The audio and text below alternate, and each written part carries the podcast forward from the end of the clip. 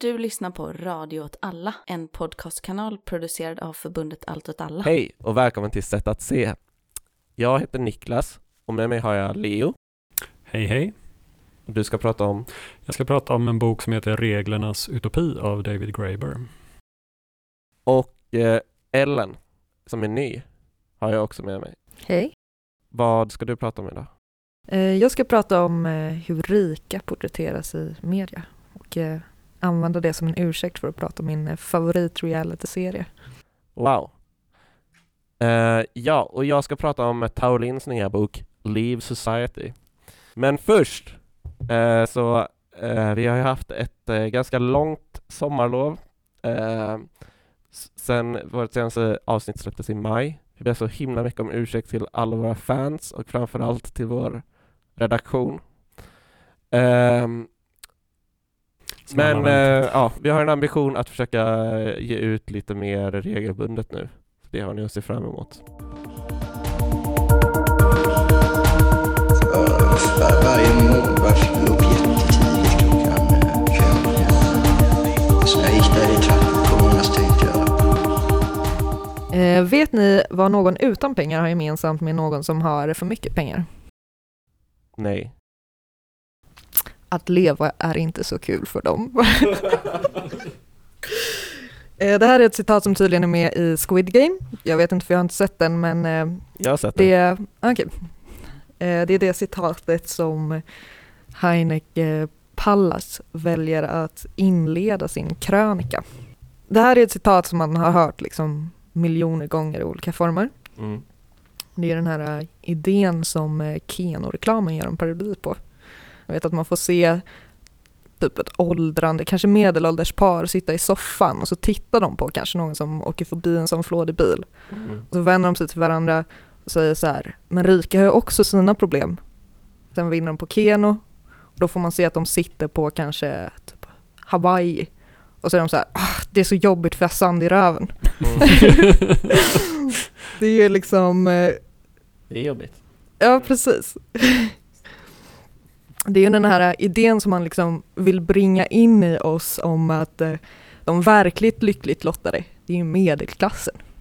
Det är medelklass som man ska vara för lycklig att man är. Att man får gå till ett jobb till exempel, Mm. ett kontor, prata vid kaffebryggaren, Ha en leasad bil. mm. kanske en fru, Eller en Hund. man. ja, eller en man. En Volvo. Mm. Precis, allt det där, det är det bästa i livet. VVV. Villa, vovve, Volvo. Japp. Satt det. Det är drömmen. I den här krönikan så vill han liksom eh, kritisera hur medelklassen, eh, eller hur överklassen porträtteras på film, just de här rikaste. Han klagar över att eh, det är så himla mycket att man får se så mycket fattiga, men man får inte se de rika. Okej. Han skriver så här.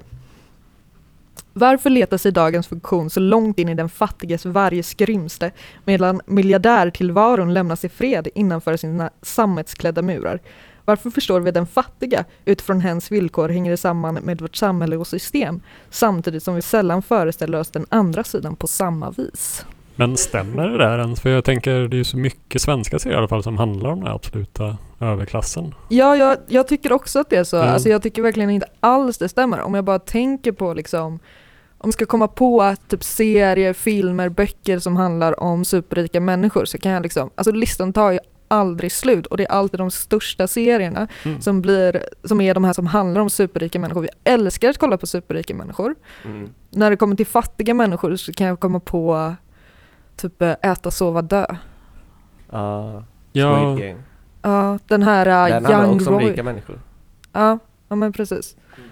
The Crown, Young Royals. Mm. det var rika, eller? Ja, Ja, men där är ju också så här rika och fattiga människor för att det är ett intressant grepp att ta. Som Mm. är så här att man jämför de eh, två olika, hur, hur det är. Men det är ju oftast ganska tragiskt när man ska skildra hur de fattiga har det. Eller så Mm. att det Ja, antingen tragiskt eller så, så är det så här, de fattiga har så otroligt kul. Att de är så här, de bara så här snuskdansar och super hela tiden. Ja. Är lite exotifierande av Ja. det här. Ja. Ja. Han pratar om någon serie på Netflix som heter The Maid, som jag, alltså jag, jag har aldrig hört talas om den. Jag har scrollat Netflix hur många gånger som helst, jag har inte sett den här serien. Mm. Som tydligen handlar om fattiga människor, eller någon fattig person. Och den är tydligen jättebra liksom. Mm. Eh, ja, men, men i övrigt så tycker jag verkligen inte att det råder någon brist överhuvudtaget på serier om rika människor. Nej. Ehm, han pratar vidare i eh, krönikan om hur eh, klassklyftorna i Sverige ökar och att det är ett problem. Samt att fiktionen har ett ansvar hur vi uppfattar verkligheten. Han skriver Fiktionens utmaning, om den ska bli kritisk, ligger i privatplanens sköna linjer och limousinens säte av utrotningshotade djurarter. Det ska synas, men vi ska helst inte sukta efter dem. Vi ska förstå deras negativa del i systemet. Mhm. Förstår inte. Alltså ska- det, det han menar är liksom, det här är också en, eh, en sån gammal idé om att kulturen ska vara fostrande. Mm. Ja. Den ska, alla de här idioterna som sitter och tittar på tv, de fattar ju ingenting. Alla vi som kollar på tv. Då måste man liksom pränta in i dem att det är ju de rika som är problemet. Fattar du inte det?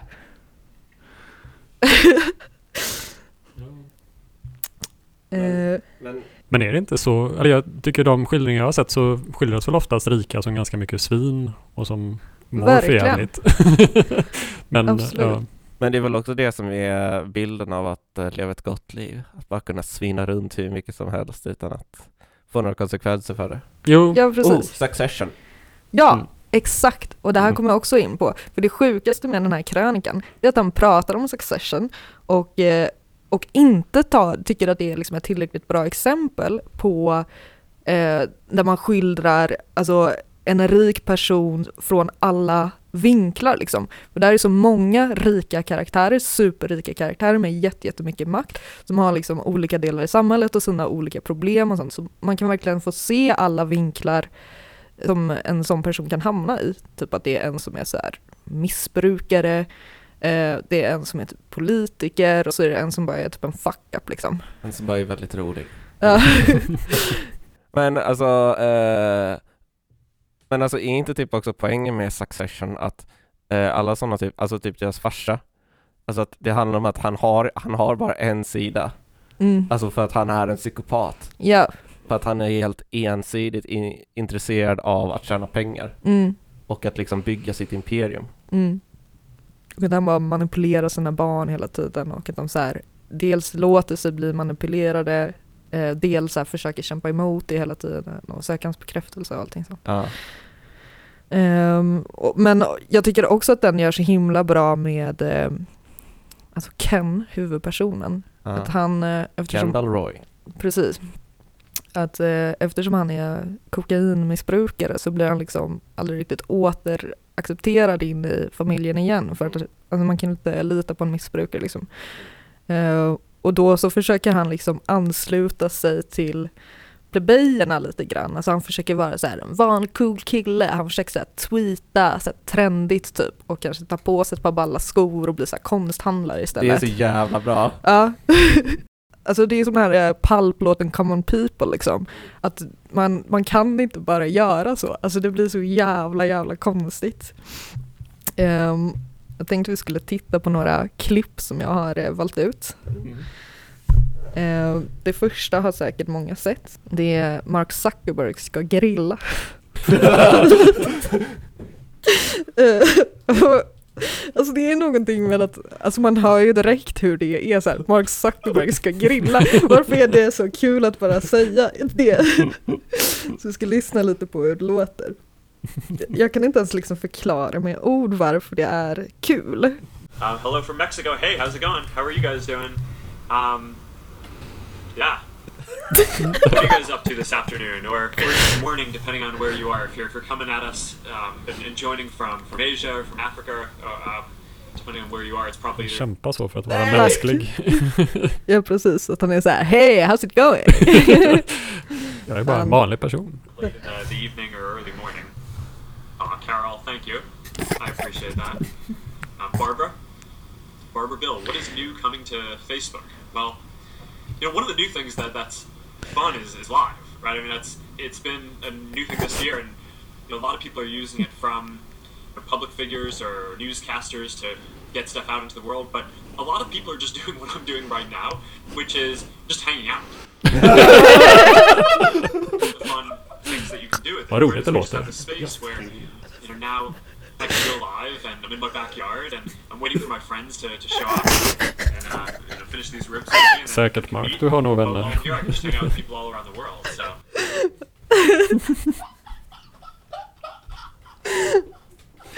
Så avslappnat och naturligt. Ja, och det är så himla... Eh, alltså jag har kollat på hela den här livestreamen som är typ två timmar lång. Och det är bara att det är så här... Alltså han säger typ brisket and ribs kanske så här 700 gånger. Och eh, sen nu har han har ställt upp den här Sweet Baby Race eh, barbecuesåsflaskan i Ja, bakgrunden. den, den som står i hyllan Ja. senare. Det är verkligen så här, eh, eh, det här är, så här är den vanliga, det här är vad den vanliga människan gör, att de äter Sweet Baby Race barbecue-sås. Han är faktiskt en vanlig människa. Ja. Precis som alla andra. Ja. Men alltså, varför ser hans ansikte ut? Jag förstår inte hur, vad det är ens. Nej, han, han är väl säkert utbytt mot en robot egentligen. Ja, alltså grejen. han ser ju ut som en robot. Jag tänkte också att vi skulle kolla på när eh, Jeff Bezos gör The Ice Bucket Challenge. Oh.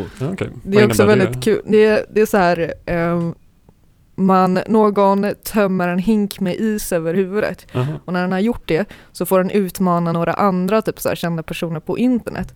Och om de är, inte gör det här, då måste de, hör och häpna, donera 100 dollar till någon organisation. Det var för att promote aware- awareness of ALS. Vad är det? ALS? Ja. Eller en sån muskelsjukdom? Mm. Mm. Ja, någon slags sjukdom. Ja. några det är i alla fall så himla, så himla on point karaktäristiskt av Jeff Bezos att han hellre häller en, eh, is, en hink med is över sitt huvud än donerar 100 dollar. Mm. Vad som helst förutom att skiljas från sina pengar. Ja, nu eh, kan vi också berätta att i det här klippet så av någon anledning så är det liksom eh, en sån här uh, blurrad ruta över hans huvud. Och att jag hade jättesvårt att hitta det. Han försöker helt enkelt dölja sanningen från folket. Han Mm. tycker det här är så otroligt pinsamt. Ja. Det enda jag kunde hitta förut när jag, när jag eh, letade upp det var en film där eh, Jeff Bezos gav en powerpoint. ja. Det går ett sånt rykte om att han hatar powerpoints och att han tog bort alla tv-apparater från kontorerna för att någon visade en powerpoint. Eh, han tycker däremot det var coolt att han som 50-årig man hade på sig en cowboyhatt när han åkte ut i rymden. Ja, det var inte ens definitivt. rymden. Det var inte ens rymden. säger. Vad Atmosfären. Ja. Ja.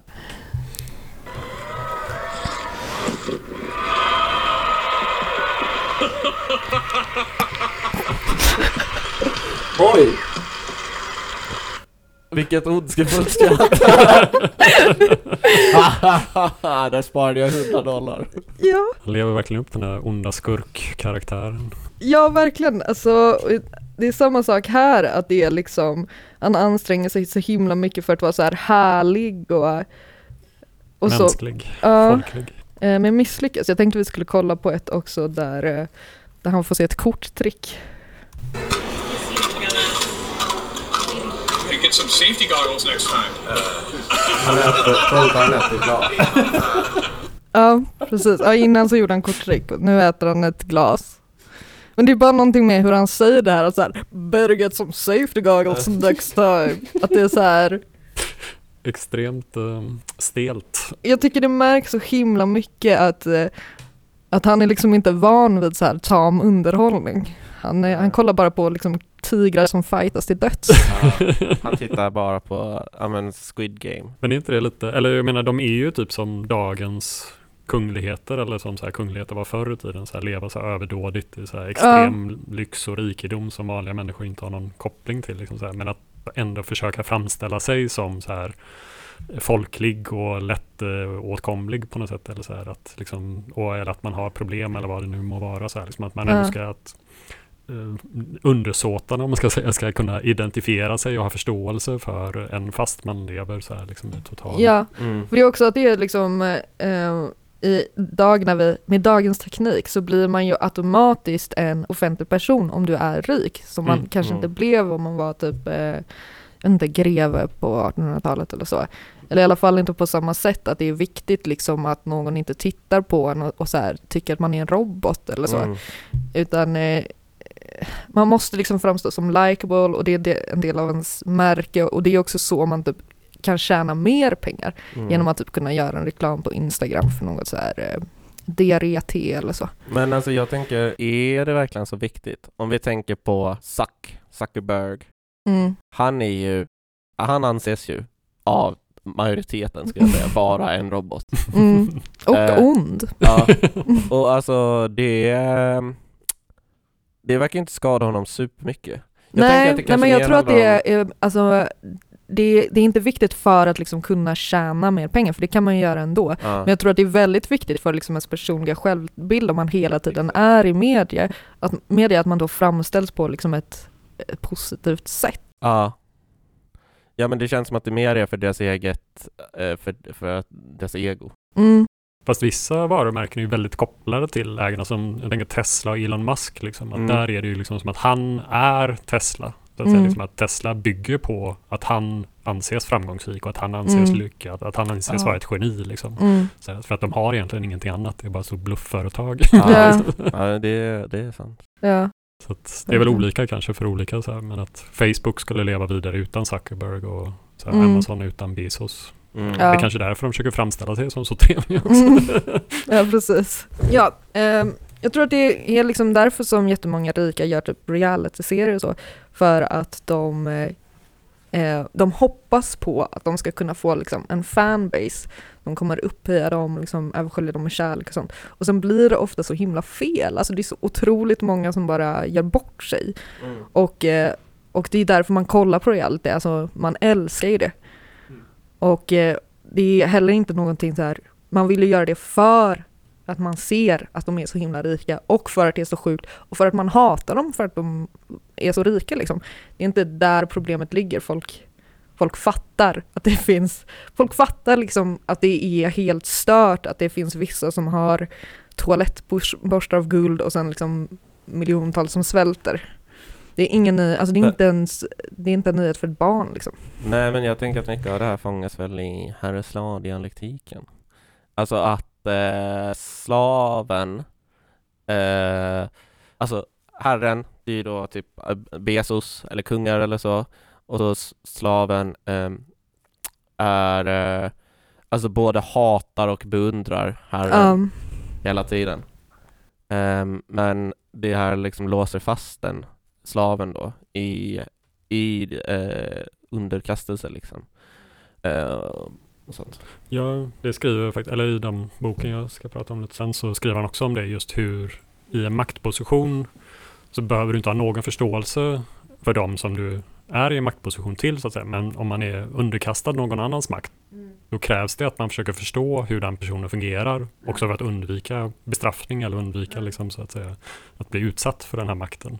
Så att det finns en sån omvänd liksom att ja, den som är förtryckt behöver alltid försöka förstå och identifiera och ha, på något sätt mänskliggöra den som har makt eller den förtryckaren så att säga. Liksom. Men det omvända sker aldrig.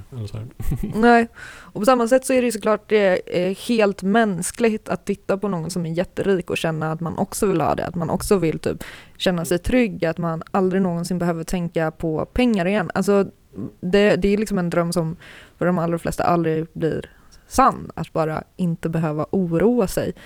Eh, att liksom tro att den drömmen kommer att dö för att man liksom väcker folk till liv och får dem att inse att rika är problemet. Det är bara så... Dels så visar det väl på liksom att man har en sån alltså, otrolig tilltro till systemet. Att så här, om alla bara fattade hur illa det var, då så skulle de ju, då så skulle vi bara kasta staten över bord. Och så är det inget mer med det längre. Men alltså det är just därför det här är, alltså hans tes är antikommunism liksom. Mm. Att eh, eh, det är att man ska finna sig i, eh, som man, alltså ens vardag. Mm. Typ. Alltså som, som man har det nu. Ja.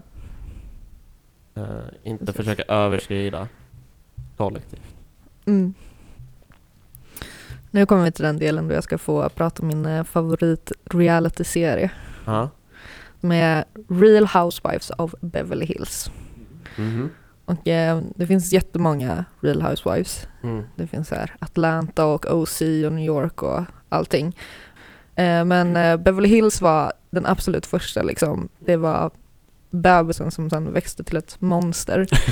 eh, och, och det märks så himla tydligt i just de två första säsongerna att de vet liksom inte vad det här är på väg. Utan det är bara här, det är typ fem stycken rika medelålders kvinnor och de ska bara så här få visa upp hur de lever och sitt glamorösa liv liksom. Och sen så bara ballar allting alltså totalt. Det börjar liksom med att eh, Kelsey Grammer åker till New York och lämnar sin fru Camille hemma. Och eh, så fort han är, han ska vara i New York ett år, alltså under hela tiden som hon ska spela in den här serien för att han ska spela någon pjäs på Broadway. På flyget dit så träffar han en 22-årig flygvärdinna.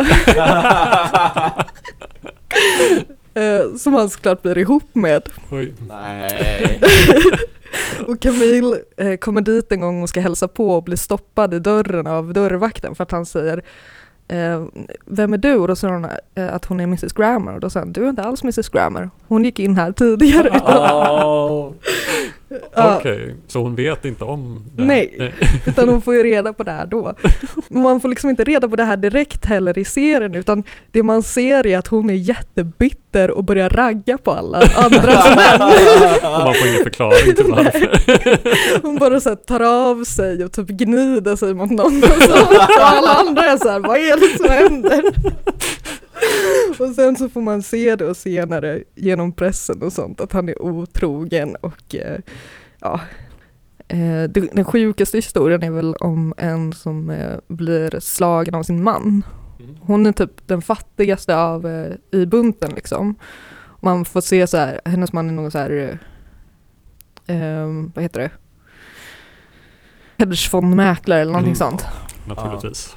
Och så, och så får man se hur de så här kämpar för att få ihop pengar och för att eh, komma ikapp med den här eh, Beverly Hills livs- livsstilen. Hon ska ordna ett födelsedagskalas för sin eh, treåring som kostar så här 50 000 dollar.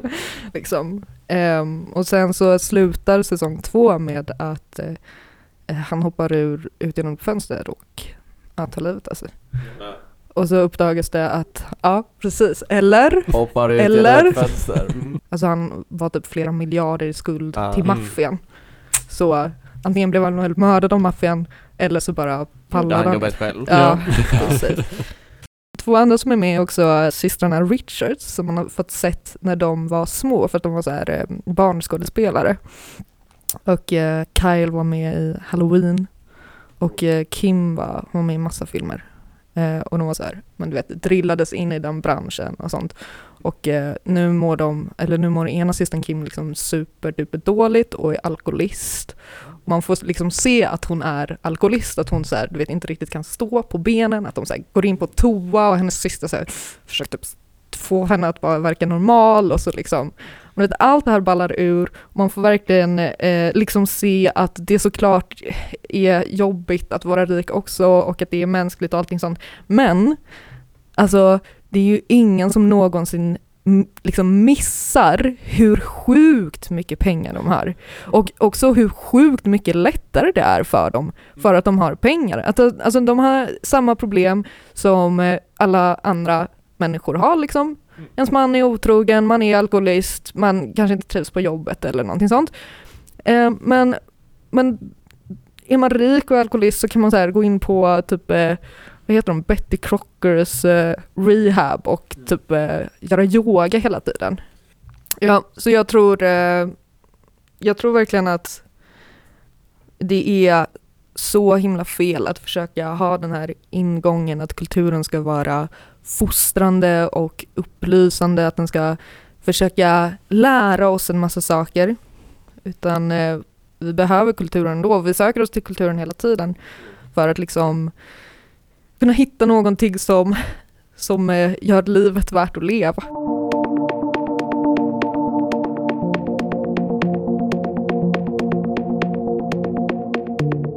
Uh, ja, jag ska prata om en bok som heter Reglernas utopi som har undertexten om teknologi, enfald och byråkratins hemliga fröjder. Och skriven av David Graeber som är en um, antropolog, anarkist och lite sånt där som har skrivit olika böcker. Bland annat en som heter Skuld som blev väldigt känd för några år sedan. Han dog i våras va? Han dog för, för ett år sedan. Ah, just det. Ah. Eh, väldigt hastigt. Um, så gick han bort. Um, tyvärr. Um, och den här boken handlar då om byråkrati. Jag måste säga att det här är första gången jag har försökt så här, sammanfatta en bok i en podd. Och det har inte gått så bra. Så jag liksom inte... Jag kommer kanske sammanfatta typ inledningen av boken. Sen kanske få fortsätta ta upp resten av boken i ett annat poddavsnitt. Vi får se lite hur det går. Cliffhanger. Ja. Ah. Men en av frågorna som ehm, den här boken ställer är att om det är så att ingen gillar byråkrati, varför får vi då bara mer och mer av den hela tiden? Um, och då börjar boken lite grann med att räkna upp hur det på 60 och 70-talet fanns en väldigt stark vänsterkritik mot byråkrati. Att byråkrati ansågs vara samma sak som konformism och kontroll och så här att det hängde väldigt mycket ihop med välfärdsstaten som hade växt fram i efterkrigstiden. Eh, och vänstern på 60 och 70-talet var ganska kritisk mot både så här statskapitalismen och statssocialismen och ville ha något annat, något friare som inte var lika låst och styrt. Eh, men sen på 70-talet så har liksom eh, byråkratikritiken eller samtalet om byråkratin i samhället försvunnit ganska mycket, liksom bara minskat. Han har något diagram här i boken över hur ofta byråkrati nämndes i böcker publicerade och då steg det fram till 1973 och sen har det bara gått neråt igen. Samtidigt som byråkratin i sig bara ökat väldigt, väldigt mycket sedan 70-talet och framåt. Intressant årtal det där, 73. Mm. Ja, ja, det hände en del då. Mm. Um, och sen 80-talet fram till nu så, ja, det diskuteras inte så mycket men det ökar överallt. Vänsterkritiken har i stort sett tystnat. Uh, försöker istället så här försvara resten av det sammanfallande välfärdssamhället som finns. Men och, finns det inte också en sån eh, liksom idé om att det är så här eh, pajaser som hatar by byråkrati? Att det är så här anarkister som är, eh, inte vill ha någon ordning och sånt? Rättshaverister. Mm. Ja, det är mycket möjligt. Den kritiken som finns kommer oftast från högern, så att säga, liksom, som sammanställer byråkrati med så här statliga ingrepp i uh. marknaden. Ja, jag tänker att det var därför det var lite intressant med just eh, 73, för det var alltså det märker ju verkligen eh, nyliberalismens ingång, mm. som mm. verkligen har anammat den eh, kritiken, eller så approprierat den, är mycket vänsterkritik av liksom staten. Mm. Och det handlar mycket om att man ska kunna göra liksom eh, avtal och sånt på plats utan så mycket knussel och så. Ja. Precis, att högerkritiken den växte ju fram efter franska revolutionen så här lite grann och då såg man liksom byråkrati som en del av feodalsamhället, liksom en rest mm. av det som bara skulle försvinna sen när allt skulle baseras på frivilliga avtal mellan enskilda individer mm. och så här liksom och så. Ehm, men istället så växte, växte bara byråkratin mer och mer på 1800-talet. Och då undrar man lite varför så här från högerhåll att så här borde det inte vara nu. Nu ska vi ha fri marknad och liberalism liksom. Men då kom det en snubbe som heter von Mises som är någon sån här högerliberal tänkare också. Och han menade på att det här var kopplat, till, ja, kopplat till demokratin. Att eh, det var demokratin som gjorde att det blev mer och mer byråkrati. Eh, och att det berodde också på att man låtit, eller att misstaget att låta fattiga få rösta. För att eh, så länge fattiga får rösta och eftersom de ofta är förlorarna på det ekonomiska spelet som sker så kommer de kräva av politiker att politiker ska genomföra olika ingrepp i samhället för att ja, ja, underlätta de här eh, fattigdomen som har skett på grund av det ekonomiska liksom, systemet. Fascist. Ja, mm. ja, precis. Han hävdade då också själv att eh, de här statssocialistiska välfärdslösningarna som växte fram på olika håll skulle leda till fascism. Också han von Mises alltså. Um, problemet med den här högersynen på byråkrati är att den inte stämmer.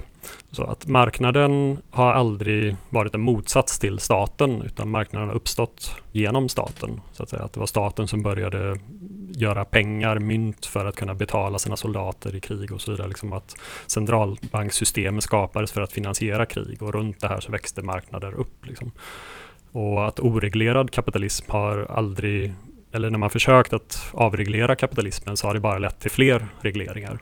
Och att det ser vi också nu, att så fort man pratar om avregleringar så handlar det egentligen bara om omregleringar som också leder till fler och fler byråkrater, fler poliser för att upprätthålla äganderätt med mera eh, som hör till den fria marknaden. Och ett exempel han tar upp i boken är att så här, efter Sovjetunionens fall så ökade antalet statligt anställda byråkrater eh, de närmsta tio år efteråt istället för att minska. Så, här, så, att nyliberalismens intåg gjorde bara att byråkratin växte och blev större. Um, och USA är ju lite känt som så här byråkrathatets förlovade land på något sätt. Liksom. Samtidigt så är USA ett extremt byråkratiskt bolagskapitalistiskt system eller land. Så att det, och det är som egentligen är sammanvävt med det statliga byråkratin.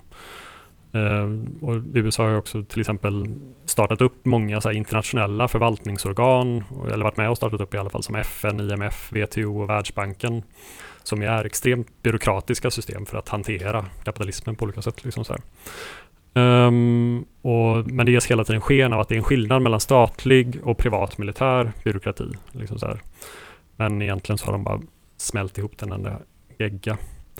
Eh, och hur blev det så här då? Och då är vi tillbaka lite på det här med 70-talet, början på 70-talet, där med att eh, 71 så av, gick man ifrån det här med guldmyntsfoten, det vill säga att det fanns liksom en eh, koppling mellan... Dollarns värde var knutet till värdet av guld. Precis.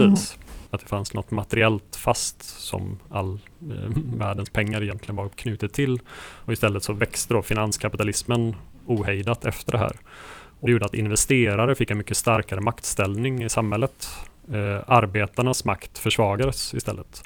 Och så här, finans och bolagsbyråkratierna eh, växte samman i det här och blev liksom det nya eh, som satte agendan i samhället kan man väl säga. Ehm, och då kom ju alla de här bolagsbyråkratiska teknikerna som hade växt fram på 60 och 70-talet med prestationsutvärderingar, fokusgrupper, tidsallokeringsrapporter att de här liksom, som kom från företagsvärlden, de här byråkratiska teknikerna, spreds till så här, utbildning, forskning, politik. Och, så. och språket förändrades, så här, glättiga tomma termer som vision, kvalitet, intressent, ledarskap, spetskompetens, innovation, strategiska mål eller bästa praxis. Det är ord som man eh, får höra om man någonsin har varit med på unionens eh, liksom, eh, arbetskurser och sånt. Eller allt åt allas kongress. Precis, det sprider sig överallt och det har sitt ursprung i så här självförverkligande rörelser som var väldigt populära på 70-talet i olika bolags styrelserum som hette saker som Lifespring, Mind Dynamics och EST. En gång eh, på, på, så var vi på en föreläsning från en kommunpolitiker på jobbet eh, och då sa han, jag har en ny idé om hur vi ska förbättra skolan. Eh, vi ska låta hundra blommor blomma. Han försökte föra in annan liten så här ja. uh, kulturell jargong. Där snackar vi antibyråkrati. Ingen byråkrati, bara vibes. Precis. Man ja. bara, du lärare, du har bad vibes. Ut! Ja, ja men precis. Att man förändrar hur man ser på vad, vad vi sysslar med i samhället genom olika ord vi använder eller tekniker och så vidare. Eh, också det här synen på värde förändrades genom det här. Att eh, inom den här självförverkligande filosofin och nya byråkratiska jargongen så lever vi bara i ett tidlöst nu. Historien saknar betydelse, vi skapar värden genom tankekraft och vilket leder till någon slags individualistisk fascism i slutändan. Eh, men det var en lång kamp om de här begreppen som startade redan på 1800-talet egentligen, när egentligen också i USA det fanns en väldigt så här eh, allmän syn på att värde skapades av arbete. Det var till och med någonting som Abraham Lincoln framhöll, så här, att arbetet var liksom grunden i samhället. Så. Alltså det är från början en, eh, en eller det är väl mycket grunden i klassisk ekonomi också, i mm. Adam mm. Smith och sånt. Ja, så. Um, men som motsats till det här så börjar det föras fram en tanke om att värde uppstår direkt ur kapital. Där att företags effektivitet och byråkratisk organisering i sig själva skapar ett värde. Så. Det fanns bland annat en industrimagnat som heter Carnegie i USA som pratar om det här som rikedomens evangelium. Och man kan se lite hur så här byråkratier och marknader har likheter i det här att de är väldigt rationella och sätter så individens frihet väldigt i centrum. Och att det handlar om ett självförverkligande genom konsumtion som egentligen saknar mål på något sätt utan det är bara liksom någonting som ska mala på. Um, och att det, det hela det här systemets praktiker så att säga blir också något slags högre värde som vi så att säga lever i och som påverkar oss som individer. Och det blir också att vi börjar agera mer och mer egennyttigt liksom genom att vi lever i det här byråkratiska egen ehm, eh, ja, nyttiga eh, systemet. Och med massa algoritmer och matematiska formler som används för att utvärdera världen blir själva källan till värde i det här också. Ja, det, det är någonting som är liksom jätteintressant nu att eh, vi har så mycket byråkrati så att vi är liksom fullt medvetna om att vi aldrig skulle kunna hantera den själva utan vi bara upplåter det till någon algoritm som vi kanske inte ens vet hur den fungerar. Mm. Precis. Och som sen bara utvecklas med hjälp av så AI-teknik och, sånt. och så är man bara så, vi, vi, kan inte göra någonting. Det är mm. algoritmerna att det blir som en ny liksom, övermakt. Så. Ja, jo det blir någonting som vi känner att det är så komplicerat så att vi kan inte förstå det. Vi bara lämnar över det här till de här totalt opersonliga liksom, strukturerna som eh, Eh, jobbar med att liksom granska, utvärdera, bedöma, mäta, väga relativa förtjänster hos olika planer, förslag, ansökningar, strategier eller kandidater för befordran. Så här, liksom att alla de här olika avvägningarna sköts av byråkrater eller algoritmer. Så här.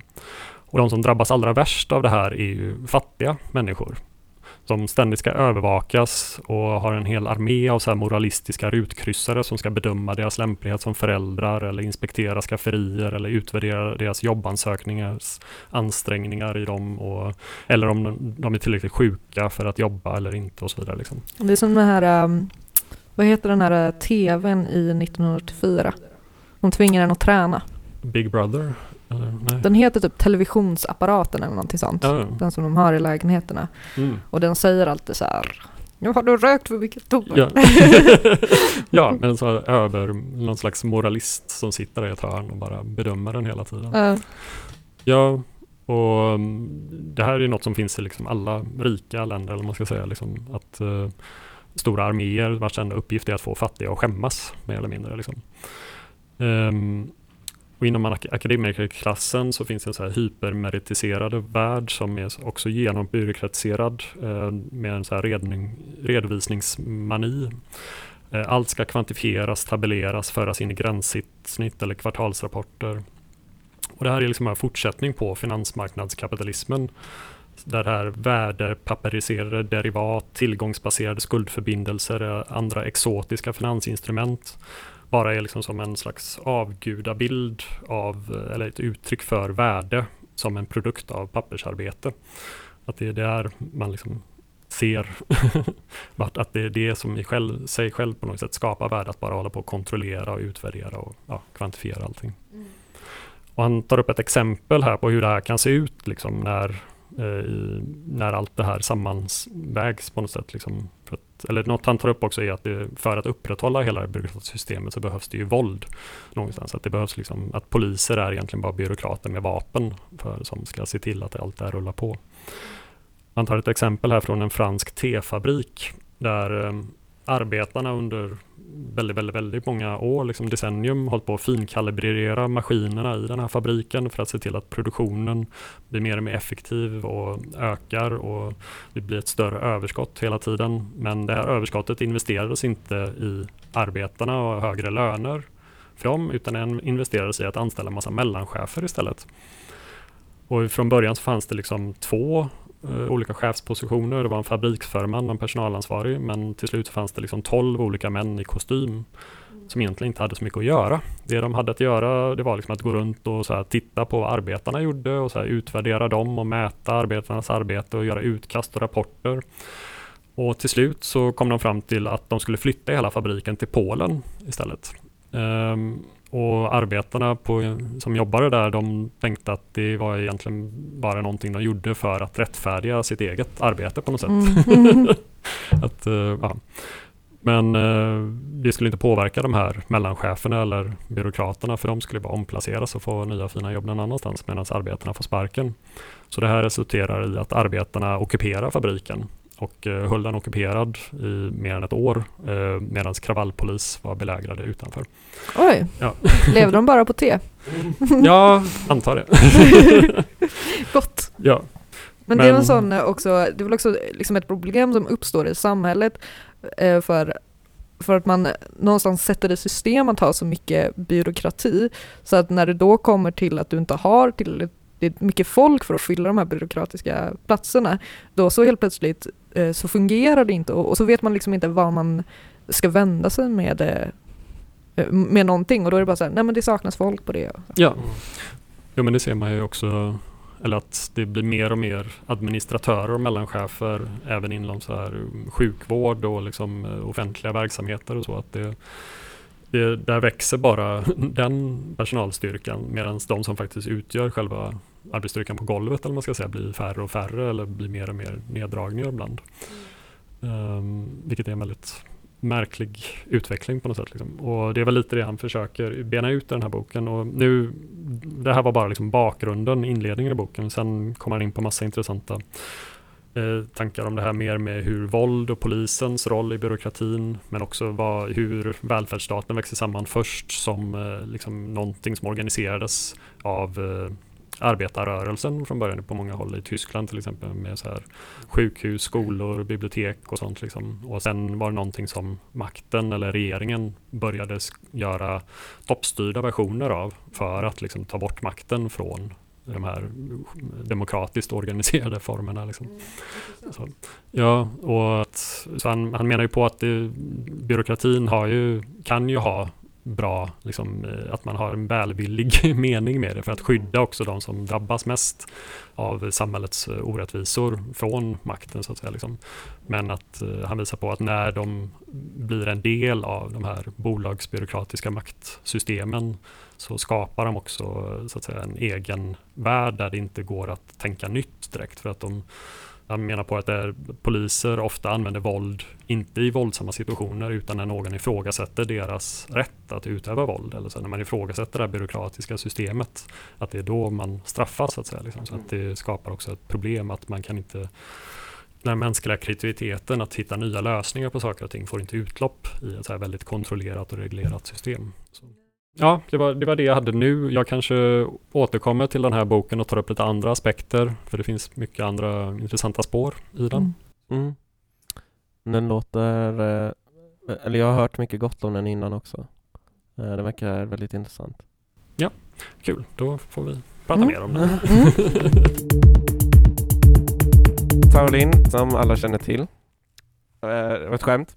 Eh, nej men Taolin ehm, eh, har som sagt skrivit en ny bok eh, och den heter Live Society. Taolin han blev känd för att han var i, eh, alltså som i, eh, han, alltså ja, lite som en representant eller frontfigur för en ny ung hipp litteratur i New York.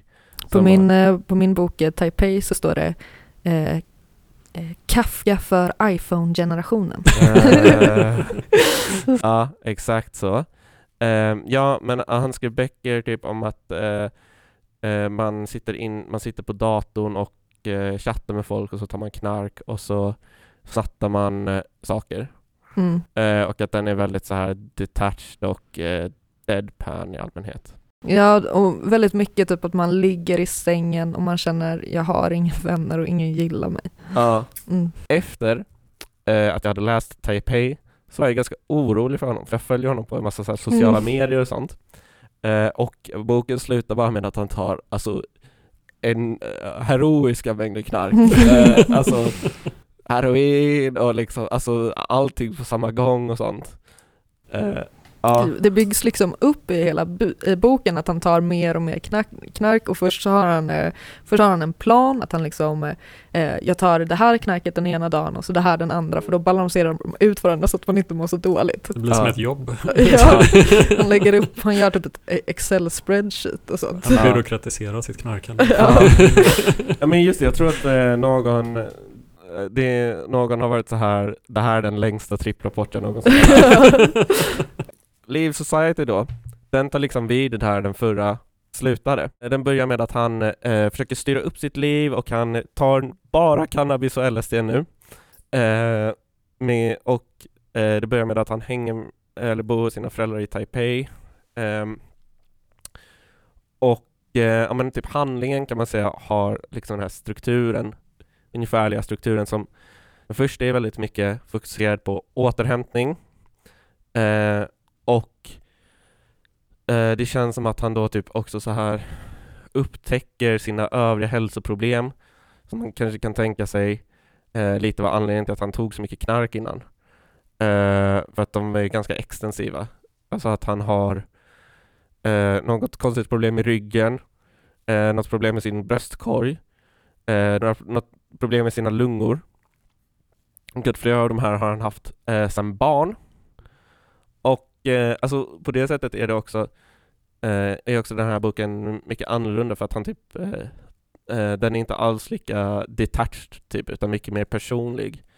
Eh, och han skriver bland annat om så här hur det var att, alltså hans erfarenheter eh, med att typ eh, bli behandlad för de här grejerna som barn. Och att det liksom var ganska eh, jobbigt eh, och skapade ganska mycket problem för honom verkar det som. Typ att de fick stäm, han, eh, hans lunga kollapsade. Och då försökte de, ja men då, först pumpade de upp hans eh, lunga och sen så försökte, sen häftade de ihop den. Oh. Eh, men så liksom, eh, och de var tvungna att typ köra in pumpen jätte, jättehårt Mm.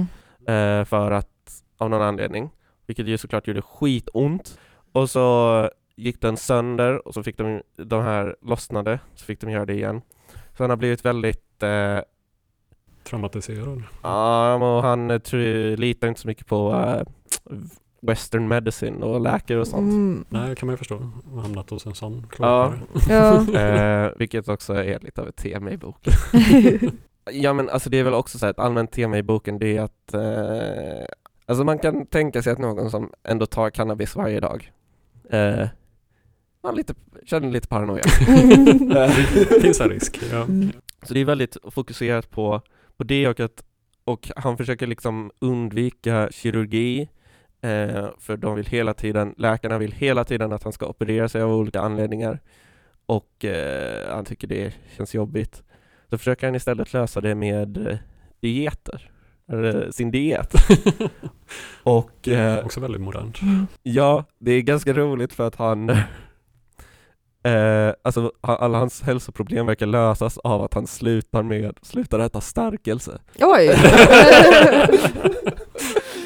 Eh, jag, jag, jag fattar inte. Men alltså det är Han kanske också, har en eh, typ autoimmun sjukdom. ja, och, men det är också typ, alltså i den här liksom första fasen av boken så är det också väldigt mycket att han försöker typ lära sina föräldrar, uppfostra sina föräldrar. Typ Mm. sånt så här, ah, ni måste äta bra, ni måste sluta med de här medicinerna för bla bla bla. Det är typ jättemycket också att han läser research papers om olika saker och så skickar han dem till eh, sin mamma Mm. eh, på mail och så pratar de om dem typ.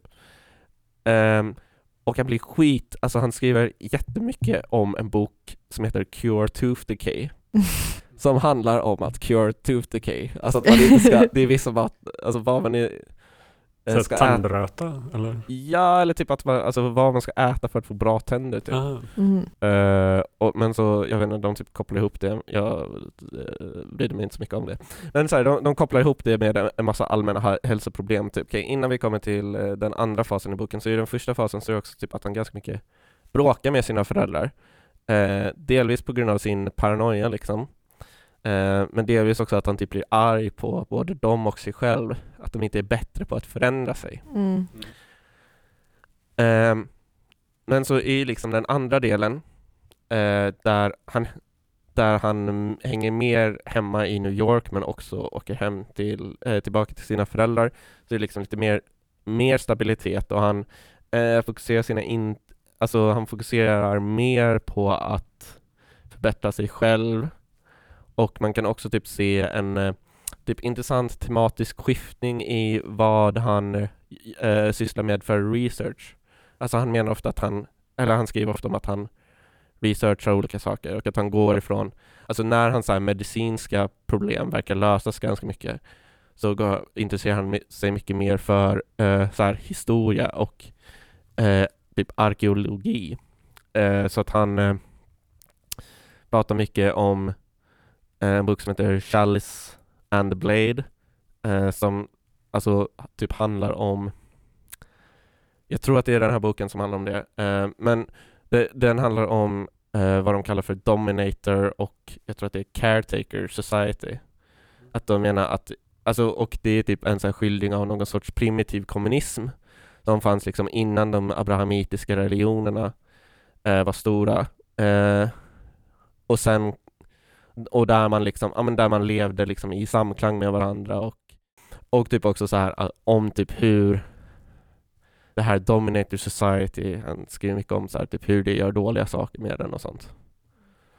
Eh, och sen så ska jag säga att det går över i typ en tredje fas där det är ännu mer historia och eh, eh, han, eh, jag vet inte, alltså hans typ intressen riktar sig ännu mer utåt. Eh, Typ att han börjar intressera sig för Big Bang och läser en bok som heter eh, The Big Bang Never Happened. och så eh, blir han också kär i den sista delen och alltså han är mer en hel människa, upplever han sig själv som i alla fall. Eh, och då drömmer han, alltså på riktigt drömmer i, han sover och så drömmer han att han ska leave society. Så då alla, eh, alla i slutet av boken så planerar han och Kay, som är hans tjej, då, att eh, flytta ut till Hawaii. Eh, som då är mindre society än New York.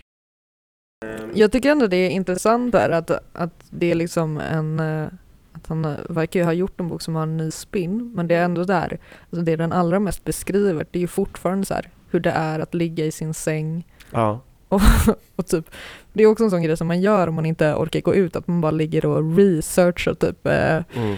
eh, olika husmorskurer och sånt i en Mm. oändlighet eller olika knäppa dieter och grejer. Ja, alltså eh, det kanske inte låter som det, men alltså, jag tyckte att det här var en jättebra bok. Eh, jag tyckte den var jätterolig att läsa. Men det är typ också, alltså, nu har jag, alltså det är också så här eh, lite roligt när jag gör research, som att han typ läser någon artikel om att å, alltså typ vördnad, är den känsla som är mest associerad till eh, bra alltså enligt den här artikeln, till bra immunsystem. Eller någonting sånt. Så då bes- typ bestämmer han sig för att han måste känna känslan av å mycket mer. Eh, och Han så måste då- bli mer överraskad eller? Ah. Eller så här, åh vad skönt. Mer vördnad, alltså Mm. å på engelska, A-W-E. Att man känner att något är Aha. stort eller så att man är Ja. överväldigad. Wow. Ehm, och jag känner att det är lite problem med den här kausalitetsgrejen där. Men Mm. eh, whatever, alltså han liksom gör sin grej och jag gillar det. Hur lyckas han känna vördnad då, eller hur? Han bara eh, tittar på naturen och bara wow. Också väldigt lätt att göra om man tar LSD hela tiden. Ja. Ja, Jo, då kan man ju känna vördnad över typ ett pappersgem. Ja. precis. Alltså, jag tycker väldigt mycket om, eller det jag tycker om med Taulins böcker är, är liksom att de är som Seinfeld typ, att det är, eh, huvudkaraktären är liksom inte någon som är så här eh, 100% likeable eller 100% alltså någon som man vill vara och sånt, utan det är ju uppenbart att han skriver om sig själv Mm. och det är också uppenbart att han är fullt medveten om att han typ är en ganska störig person. ja. Han är så här, eh, men typ i Shoplifting from American Apparel så är det typ så, han volontär på något vegancafé Mm. och sen eh, men, så, så kollar han kanske på en hemlös person och är så, eh, typ, jag måste hjälpa den här, jag ska köpa en, eh, en macka till den här personen för då är jag, och, och så skrev han typ så här, så då tänkte jag att jag var en bra människa. Så det är liksom väldigt mycket självmedvetenhet hela tiden. Ja. Ja men alltså typ också ett annat tema som jag tyckte var väldigt intressant om man jämför typ hans andra böcker med den här, det är att, alltså jag tänker på typ så här, alltså med eh, Alltså med droger och sånt, eh, drogböcker typ, så, och i de, i de gamla böckerna så var hans blick väldigt mycket riktad inåt på sig själv, på sig själv, alltså typ som det här att ja, att han är såhär, ja jag gjorde det här för då ska jag bli en bra människa. Men att typ, alltså ju alltså även om han typ fortfarande är väldigt mycket fokuserad på att förbättra sig själv så är det ändå intressant hur hans blick mycket mer eh, riktas utåt liksom, ju mer alltså på samhället. Mm. Eh, Han växer upp. Ja, men också liksom ju mer typ ren han blir, eller vad man ska säga, eller återhämtad. Um, och ja, men så här, det här gjorde att jag typ ganska mycket började tänka på um, uh, kunskap, typ. Hans syn på kunskap skiljer sig ganska mycket ifrån den som är liksom uh, ja men typ den synen på kunskap som speciellt har kommit fram eh, vid, sedan 2016 eh, och man börjar bry sig jättemycket om fake news och sånt men som har varit väldigt mycket nu under corona som är det här att ja, men vi ska lita på experterna hela tiden. Mm. Eh, ja men och att så här ja, men på något sätt att kunskap eller research är bara någonting som experter ska förstå sig på typ. Mm. Eller som kan förstå sig på typ. Um, Medan han är ju typ så här, alltså det som är inspirerande och roligt, alltså för att det var det som kändes himla uppfriskande eh, med den här boken, det var ju att alltså han liksom ställer han ställer alla de här typ stora frågorna och söker svaren till dem. Och sen, alltså han har ju jätteofta fel. Men jag tycker, det- alltså så här, jag har verkligen typ tänkt på det, eh, alltså så här, för att jag har stört mig ganska mycket på den här synen Ja men typ att så här DN eller New York Times ska typ faktakolla olika uttalanden och sånt. Eh, och det är så man ska krossa Donald Trump. Mm.